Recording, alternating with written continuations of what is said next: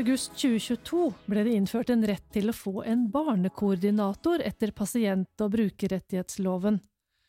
Samtidig fikk kommunen en plikt til å oppnevne barnekoordinator etter helse- og omsorgstjenesteloven. Men hva er en barnekoordinator? Hvem har rett til å få en barnekoordinator? Hva er forskjellen på en barnekoordinator og en alminnelig koordinator? Hva skal barnekoordinatoren gjøre? Ja, dette er noen av de spørsmålene Knut Fredrik Tårne skal hjelpe oss å svare på i dag.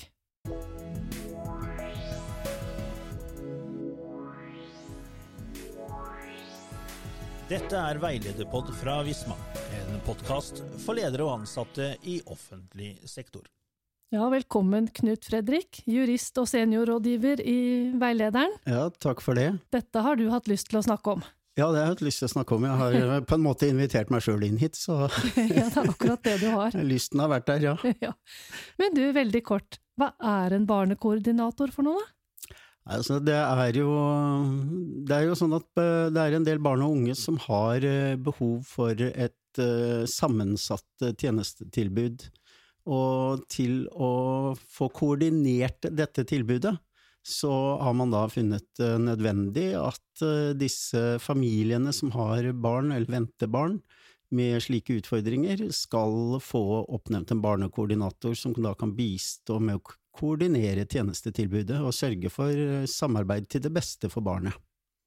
Ja, så det er familien som eh, faktisk kan få en sånn koordinator? Ja, det mm. er en rett for familien. Ehm, men hvem som helst kan vel ikke få oppnevnt en barnekoordinator, for det er vel noen kriterier eller vilkår her. Så hvem er det som kan få oppnevnt en barnekoordinator etter denne nye bestemmelsene? Ja, etter den nye bestemmelsene, de som mm. har da retten etter pasient- og brukerrettighetsloven, det er jo familier som har eller venter barn eh, med eh, alvorlig sykdom, skade, nedsatt funksjonsevne. Og barnet eller ungdommen må da være under 18 år eh, for at familien skal ha rett til barnekoordinator. Eh, men kommunene kan eh, velge å tilby en slik barnekoordinator også etter fylte 18 år, for eksempel fram til barnet eller ungdommen fyller 25 år. Det er opp til kommunen, men rettigheten gjelder fram til ungdommen fyller 18 år. Ja, og så er det vel et vilkår om at det skal være behov for langvarige og sammensatte koordinerte helse- og omsorgstjenester, er det ikke det det står? Jo, ja. eh, det er jo en del vilkår eh, forbundet med retten, og et av vilkårene er jo at eh, man har da behov for langvarige og sammensatte eh, koordinerte helse- og omsorgstjenester og andre velferdstjenester. Ja, jeg tror at uh, her er det mye å ta tak i, så vi begynner litt på toppen, tror jeg. Ja. Det kan være greit. Kan man få tildelt barnekoordinator allerede under svangerskapet? Ja, i og med at dette er en rettighet for familien, så har loven da åpnet for at man har, har denne retten allerede under svangerskapet. Hvis man da venter et barn som har alvorlig sykdom, skade, eller nedsatt funksjonsevne, så har man den rettigheten fra før barnet er født. Ja, Gjelder det adoptivbarn òg? Ja, det gjelder alle barn. Ja. Så det var det første kriteriet. Det andre det var at barnet har alvorlig sykdom, skade eller nedsatt funksjonsevne. Er det mulig å utdype hva som ligger i dette med sykdom, skade eller nedsatt funksjonsevne? Ja, altså med, med sykdom så er jo eh, Hva skal vi si Det er jo ting som kan diagnostiseres, mm. eller uh, syndromer. Uh, altså, sykdom er jo en uh, fellesbetegnelse for forstyrrelser i kroppens normale organiske funksjoner. og som på en måte forandrer kroppen på en skadelig måte, da. Og så er jo også et vilkår, da, eller dette med skade. Og her er det jo eh, barn som kan eh, utsettes for en eller annen uventet hendelse som påvirker helsetilstanden på en negativ måte. Det kan være en trafikkulykke, kan være utsatt for voldshandlinger, et eller annet sånt noe. Eh, det kan også, det trenger ikke å være en sånn ulykke som skjer brått, det kan være noe som eh, skjer litt over tid, altså en belastningsskade som skjer eh, over tid. Og det kan også være en psykisk belastningsskade, for eksempel vil jo et barn som har vært utsatt for alvorlig omsorgssvikt, mm. kunne få en slik skade da som medfører en nedsatt funksjonsevne, og dermed gir rett til dette med barnekoordinator. Ja, ikke sant. Så det er egentlig en ganske sånn cocktail av det her. Ja.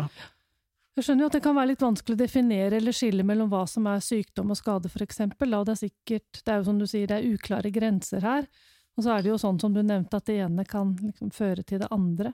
Men er det noe viktig for kommunen å ha helt entydige skiller på dette, da? Nei, det er ikke uh, viktig i, egentlig i det hele tatt, fordi uh, både det Altså, om det skyldes sykdom, om det skyldes skade, det går ut på ett, fordi rettighetene er der uansett, så det å skille dette er egentlig ikke uh, nødvendig. Mm. Men det var noe til som står, og det var jo det med alvorlig. Hvor er det grensen går for hva som er alvorlig eller ikke? Altså, alvorlighetsgraden Altså, det, det som er, er jo at um, alvorlighetsgraden for én og samme sykdom eller uh, diagnose eller funksjonsnedsettelse, den kan variere veldig fra barn til barn. Uh, og det som er det viktige, er hvilken negativ betydning eh, sykdommen eller skaden får for funksjonsevnen til akkurat dette barnet. Det er ikke sånn at en diagnose automatisk gir rett til barnekoordinator, fordi innenfor en og samme diagnose så kan jo barn fungere veldig forskjellig.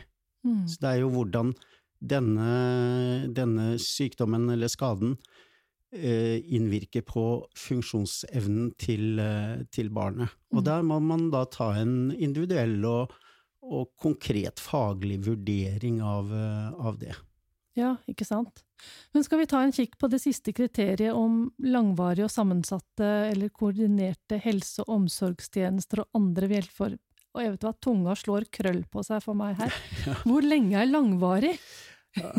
Med langvarig så menes det jo at behovet da for helse- og, og velferdstjenester må, må, være en viss varighet.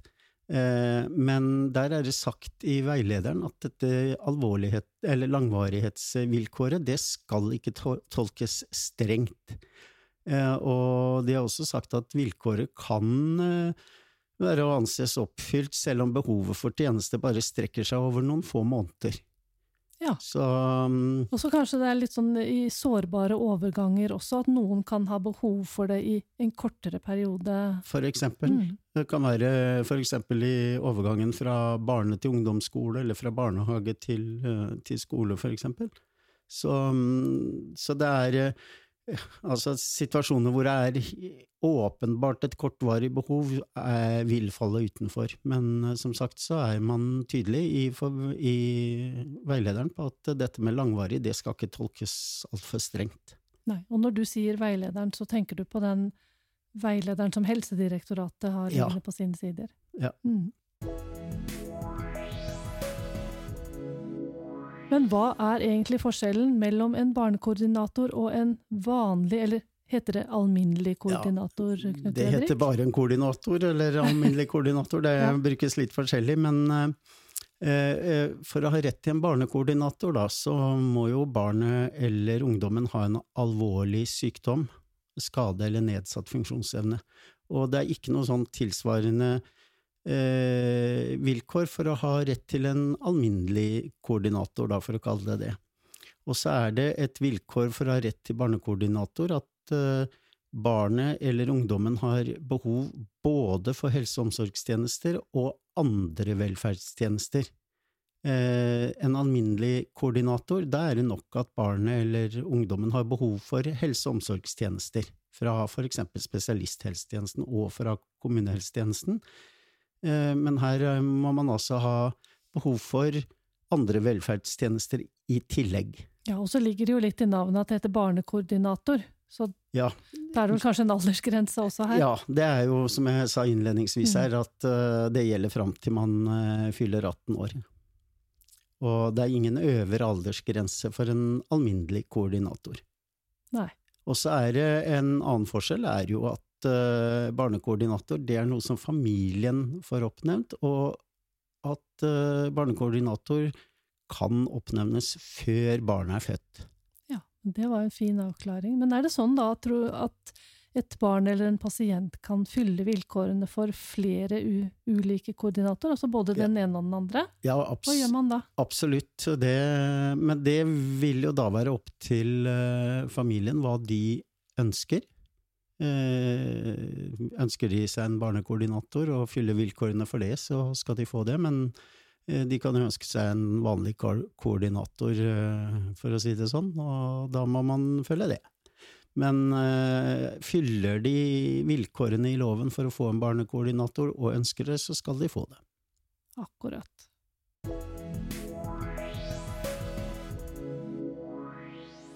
Tenkte jeg at vi måtte se litt på hvilke oppgaver skal egentlig en barnekoordinator utføre?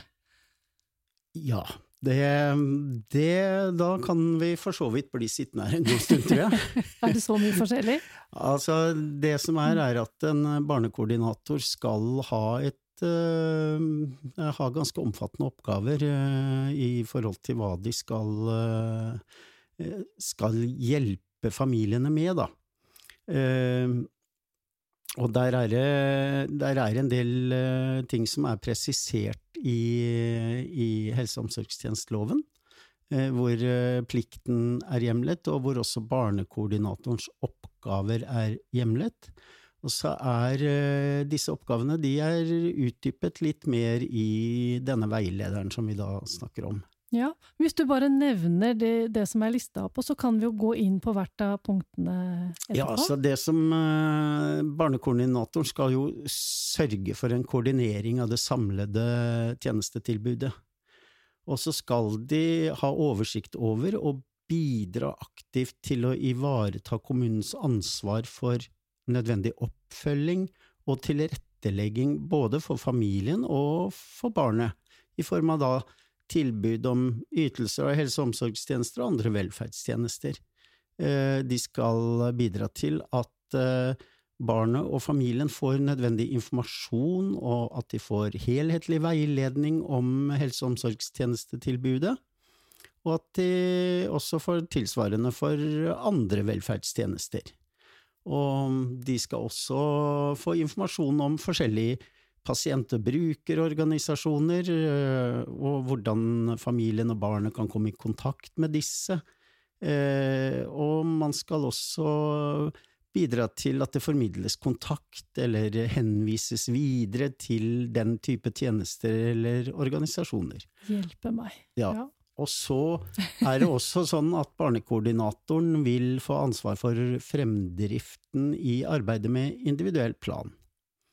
Så det er eh, eh, Oppgavene er ganske omfattende. Ja, det skjønner jeg. Men hvis vi pluk prøver å plukke fra hverandre litt, og da kan vi jo begynne med dette med koordinering av tjenestetilbudet. Hva kan du si om det? Jo, eh, det betyr at eh, altså barnekoordinatoren må jo da sørge for eh, en koordinering av det samlede tjenestetilbudet som familien, barnet og, og eventuelt da ungdommen mottar. Og det betyr at eh, skal, barnekoordinatoren da må sørge for nødvendig samarbeid innen den kommunale helse- og omsorgstjenesten, og samarbeid med spesialisthelsetjenesten og andre velferdstjenester når det er nødvendig. Eh, og sørge for et eh, koordinert tjenestetilbud. Da. Det betyr jo at barnekoordinatoren blant annet skal følge med på at eh, disse tjenesteyterne samarbeider, og at det er avklart hvem som er ansvarlig for å yte hvilke tjenester. Ja, Så, um, skal ha liksom det Ja, det da, altså, fulle over, overblikket på det her. ja, det er jo for at barn og ungdommens og familiens da tjenestebehov skal ses på i en, i en helhet her, og, Mm. og i en sammenheng. Men da må jo kanskje en sånn koordinator være tildelt en viss myndighet òg, jeg tenker i forhold til de beslutningene som skal tas, og til å bestemme hva andre velferdstjenester skal bidra med. Ja. Ja, for det er jo sånn at barn og unge de går jo enten i barnehage eller i skole. Kan barnekoordinatoren pålegge skolen og barnehagen å gjøre ting? Ja, altså, hvilken myndighet Mm. eh, barnekoordinatoren eh, skal ha, altså eh, de oppgavene som fremgår av loven, det forutsetter at eh, barnekoordinatoren har myndighet til å beslutte da i forhold som gjelder koordineringen av de kommunale velferdstjenestene som barnet, ungdommen og familien skal, eh, skal ha. Og hvordan dette skal gjøres i praksis i kommunene, det vil eh, måtte følge av eh, delegeringsvedtak, som, eh, som det heter, og som da gjøres av eh, kommunedirektøren. Og kommunedirektøren må da delegere myndighet. Det er forutsatt at det skal gjøres i alle kommuner, og, og det vil også være en helt klar forutsetning for at en barnekoordinator skal kunne ivareta de lovfestede oppgavene sine. Og det er ikke noe kommunene kan velge å ikke gjøre, dette her må de sørge for at de som er barnekoordinator, får delegert denne myndigheten. Og den myndigheten de skal få delegert, vil jo da være knyttet til de oppgavene de har etter helse- og omsorgstjenesteloven. Mm. Men kan den barnekoordinatoren også si at det, dere skal gjøre det sånn eller sånn ute på tjenesten, eller? Ja, altså de kan bestemme i forhold som da gjelder koordinering av velferdstjenestene. Der kan de eh, bestemme eh, hva den enkelte velferdstjenesten skal gjøre for at tjenestetilbudet skal bli helhetlig og koordinert. Eh, barnekoordinatoren kan eksempel da avklare hvilken informasjon de enkelte velferdstjenestene skal gi til hverandre, hvilke møter de skal delta på, og når de skal gjennomføre tjenestene for at eh, det skal bli mest mulig samkjørt med andre velferdstjenester. Mm. Men kanskje ikke i detalj akkurat hva, for at de kjenner vel ikke alle, alle velferdstjenestene? Nei, men eh, de kan altså bestemme det som er Altså, de har myndighet til å bestemme over andre velferdstjenester når det gjelder disse aktivitetene. Men eh, det er altså kommunen som har det rettslige ansvaret for at barnet og ungdommen og familien får tjenestene de skal ha. Barnekoordinatoren kan ikke instruere de andre velferdstjenestene om hvilke tjenester og hvilken oppfølging de skal gi barnet, ungdommen og familien. Eh, De kan heller ikke bestemme hvordan de ulike tjenestene skal ytes, men de kan si noe om når de skal ytes. Ja, akkurat. Men her må jo den barnekoordinatoren må jo klare å holde en viss oversikt her. Hvordan skal man klare det, da? Altså, de må ha mm, Altså, de må ha oversikt over eh, og bidra til at kommunens ansvar blir løst, altså i forhold til det ansvaret kommunen har for oppfølging og tilrettelegging. Altså, de må være aktive på dette her og liksom drive Ja, de må, være, de må drive prosessen, og, og det man også som barnekoordinator må være veldig oppmerksom på, er jo eventuelle endringer i behov hos barnet eller Ja, familien.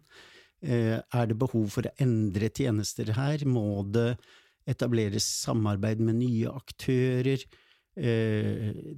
Er det De må kanskje ta initiativ til at kommunen må tilby noe annet eller noe mer for å, for å oppfylle pliktene sine her. Så, eh, og det gjelder jo da både i forhold til helse- og omsorgstjenester, men også andre velferdstjenester som, eh, som eh, de kan ha grunn til å tro at barnet eller ungdommen eller familien kan ha krav på. Og det betyr at de også må kjenne en del til de andre tjenestene i kommunen. Ja, for de må jo virkelig være på ballen her, da. Og så var det jo en informasjonsbit også inni det her, skjønte jeg? Ja, de har jo både en informasjons- og veiledningsbit eller ansvar, både da om helse- og omsorgstjenestetilbudet i kommunen, men også om andre velferdstjenester, og, og også da dette her med relevante pasient- og brukerorganisasjoner. Så Barnekoordinatoren skal sørge for at eh, familien og barnet og ungdommen får nødvendig informasjon, de skal ha helhetlig veiledning, eh, og det gjelder på alle nivåer og sektorer som barnekoordinatoren har grunn til å tro at de kan ha krav på. Og eh, her skal også barnekoordinatoren sørge for at det er, altså i dialog da, med barnet, ungdommen og familien, skal eh, ha dialog med, med, disse for når det gjelder innholdet i og utformingen av tjenestene.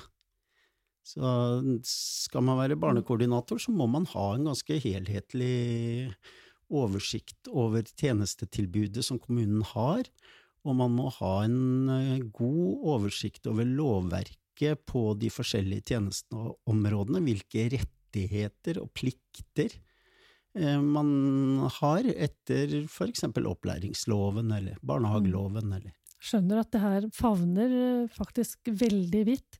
Og da mm. må det jo være viktig da, å avklare både for familien og de involverte tjenestene hva de kan forvente av denne barnekoordinatoren. Hvis ikke så tror jeg den kan jo løpe seg i hjel? ja, det tror jeg er Jeg tror det er helt vesentlig her. Det er at man har en Helt tidlig i prosessen setter seg ned med barnet og ungdommen og familien, og klart foretar en, en forventningsavklaring, hvor man klart definerer Eh, forventninger til oppgaver og, og så videre. Det, sånn, at, sånn at barnekoordinatoren og de forskjellige velferds- eller tjenestetilbudene, og for så vidt barn og ungdommen og familien, har felles forståelse av barnekoordinatorens rolle. Mm, og det vil jo skape trygghet og forutsigbarhet også. Ja. Men du, skulle vi ha sagt noe om eh, barnekoordinator og alt det vedkommende gjør, hvordan skal det dokumenteres? Jo, eh, barnekoordinatoren må jo dokumentere koordineringsoppgavene sine. Eh, sånn at eh, barnekoordinatoren må dokumentere sitt arbeid. Og det innebærer jo at man som barnekoordinator da fortløpende må dokumentere opplysninger som er nødvendig i, i, og forsvarlig dokumentasjon av koordineringsoppgaven, eller oppgavene.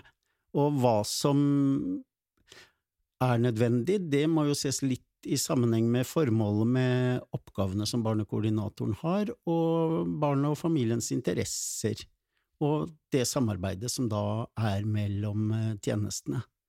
Og Eh, dokumentasjonen vil være viktig her for å ivareta både retten til barnekoordinator og den retten man eventuelt har, eller som man har da, til å klage, og også for å dokumentere kommunens, at kommunens ansvar er uh, ivaretatt her. Mm, viktig. Men Knut Fredrik, med alle disse oppgavene så bør vel en barnekoordinator både være flink med mennesker og ha evnen til å jobbe systematisk. Dette her høres ikke ut som en jobb som hvem som helst eh, passer til å tre inn i, da. Hvilken kompetanse tenker du at en barnekoordinator bør ha? Nei, altså barnekoordinatoren eh, må ha en ganske bred kompetanse, som du sier, at dette her med mennesker det menneskelige tenker jeg blir veldig viktig. Dette med evnen til å kommunisere, både med barn og familie, men også med tjeneste, eh, hele velferdstjenestetilbudet i kommunen. Eh, og selvfølgelig, barnekoordinatoren må ha kjennskap til helse- og omsorgstjenestene i kommunen, men også de andre velferdstjenestene.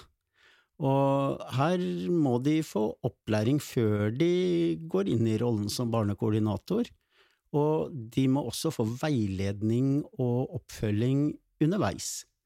Eh, og hvem som skal ivareta det, det, det er uavhengig av eh, fag- og profesjonskompetanse.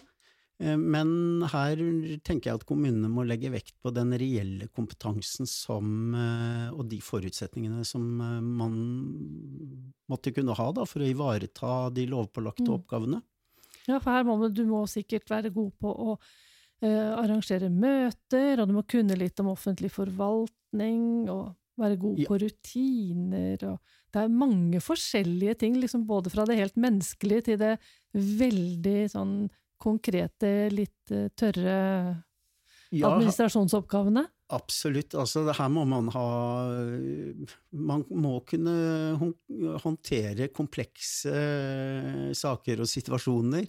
Man må ha evnen til å jobbe strukturert. eh, Og så er dette her med relasjonsbygging tenker jeg er veldig viktig. At man har eh, ferdigheter i å bygge relasjoner. Og her vil jo egnetheten være veldig viktig å, å vurdere da for eh, kommunene når de skal eh, ansette barnekoordinatorer. Ja, det virker jo veldig sånn. Ja. Men jeg lurer litt på en ting til. Mhm. Eh, Den retten til barnekoordinator og plikten til å oppnevne barnekoordinator, det finner vi jo i helselovgivningen. Du var vel egentlig inne på det i stad. Er det sånn at den barnekoordinatoren da alltid skal være ansatt i helse- og omsorgstjenesten? Nei, det er, eh, det er ikke noe krav. Eh, er, kravet er at eh, det skal oppnevnes av helse- og omsorgstjenesten, men koordinatoren kan komme fra andre kommunale velferdstjenester. I de fleste tilfellene så kan det kanskje være naturlig at eh, barnekoordinatoren velges blant én av de som yter tjenester til barnet. Eh, Men eh, kommunene kan også velge å opprette egne stillinger. Mm. Men det betyr det at kommunen faktisk kan oppnevne en barnekoordinator fra eksempel skolen eller barnehagen som er tett på barnet? Det, det kan jo være naturlig i noen tilfeller, men jeg må jo si det at jeg, når jeg ser på mm, Hva skal jeg si Når jeg ser på den kompetansen som en barnekoordinator må ha, og eh, hvor mye en barnekoordinator må på en måte ha innsikt i andre tjenester og lovverket rundt andre tjenester, så tenker jeg at øh, jeg hadde i hvert fall Hadde jeg vært øh, kommune, og så hadde jeg oppnevnt egne barnekoordinatorer som kunne få muligheten til å spesialisere kompetansen sin som barnekoordinator. Og det vil jo kunne muliggjøre da at man får en kompetanse som er mer tilpasset den målgruppen som eh, man skal ivareta. Mm. Og så er det vel sånn, ikke sånn at det, det gjør vel ikke at man ikke kan jobbe i team, sånn at man også har med seg noen som står tett på barna. Selvfølgelig. Selvfølgelig. Mm. Men da kan det være sånn, det er ikke én barnekoordinator i en kommune, det kan være mange, da? Det kan være mange. I en stor kommune så vil det jo være mange. Mm. Det vil være mange som kunne ha behov for, eh, for en barnekoordinator, og, og alle som da har eh, fyller vilkårene, har jo rett til å, å få en barnekoordinator, så her må jo eh, kommunen sørge for at man har et tilstrekkelig antall koordinatorer til å ivareta Ja, for dette kan jo være tidkrevende, men vi kan jo ikke forvente at man skal ha altfor mange familier å forholde seg til heller, kanskje? Nei, det, her skal det jo Altså, kommunen må jo sikre at barnekoordinatoren får gode rammer for det arbeidet de skal gjøre. Og Mm. det er jo et lederansvar å sørge for det. Og Ja, både det med god nok kompetanse, da, som du sa i stad, og det med rammer til å ivareta arbeidet. Ja, og så må de, tenker jeg, er veldig viktig at eh, lederne her anerkjenner at eh, barnekoordinatoren må bruke tid på å utvikle gode relasjoner og, og for så vidt også kompetanse i eh, rollen sin. Mm. Ja, det med kompetanse, det, det snakka vi jo nettopp om. Mm. Men hvem er det som skal lære opp barnekoordinator ute i kommunen, da? Er, dette er jo ganske nytt. Ja, det her er nytt, eh, og her er ansvaret lagt eh, til koordinerende enhet i kommunen. Det er de som skal forestå eller sørge for opplæringen, og det er de som skal sørge for veiledningen videre av barnekoordinatorene. Eh, Og så er det også sånn at eh, eh, en barnekoordinator må ikke ha et for stort antall barn og familier å, å jobbe med, fordi da Selvfølgelig, det vil jo avhenge litt av det bistandsbehovet de forskjellige familiene har, men hvis man har for mange, så vil man ikke få tid nok til hver og en av de til å ivareta rollen som barnekoordinator. Eh, eh, det her, eh, når det gjelder opplæring også, så er det jo mye de skal læres opp i, og de må, som sagt, så må de ha ganske god innsikt i lovverket. Mm. Så der har jo de av våre kunder som er eh, totalkunder av veilederen, de har jo en kjempefordel, for de kan jo da gå inn på eh, barnevern og eh, helse og barnehage og skole, og så få innsikt i lovverket på de forskjellige områdene. Ja, du- det noen, vet du om det er noen andre planer for å hjelpe barnekoordinatorene i arbeidet sitt? Ja, vi har jo, eller vi har, vi har bestemt faktisk at vi skal gå ut med et tilbud nå ganske snart som eh, rett og slett går på en opplæring av eh, barnekoordinatorer.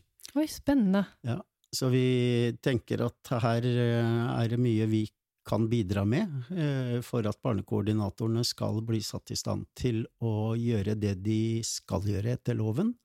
Og i og med at vi sitter med eksperter på alle om, eller i hvert fall fire av områdene her, så tenker vi at vi kan dele den erfaringen med de som trenger det.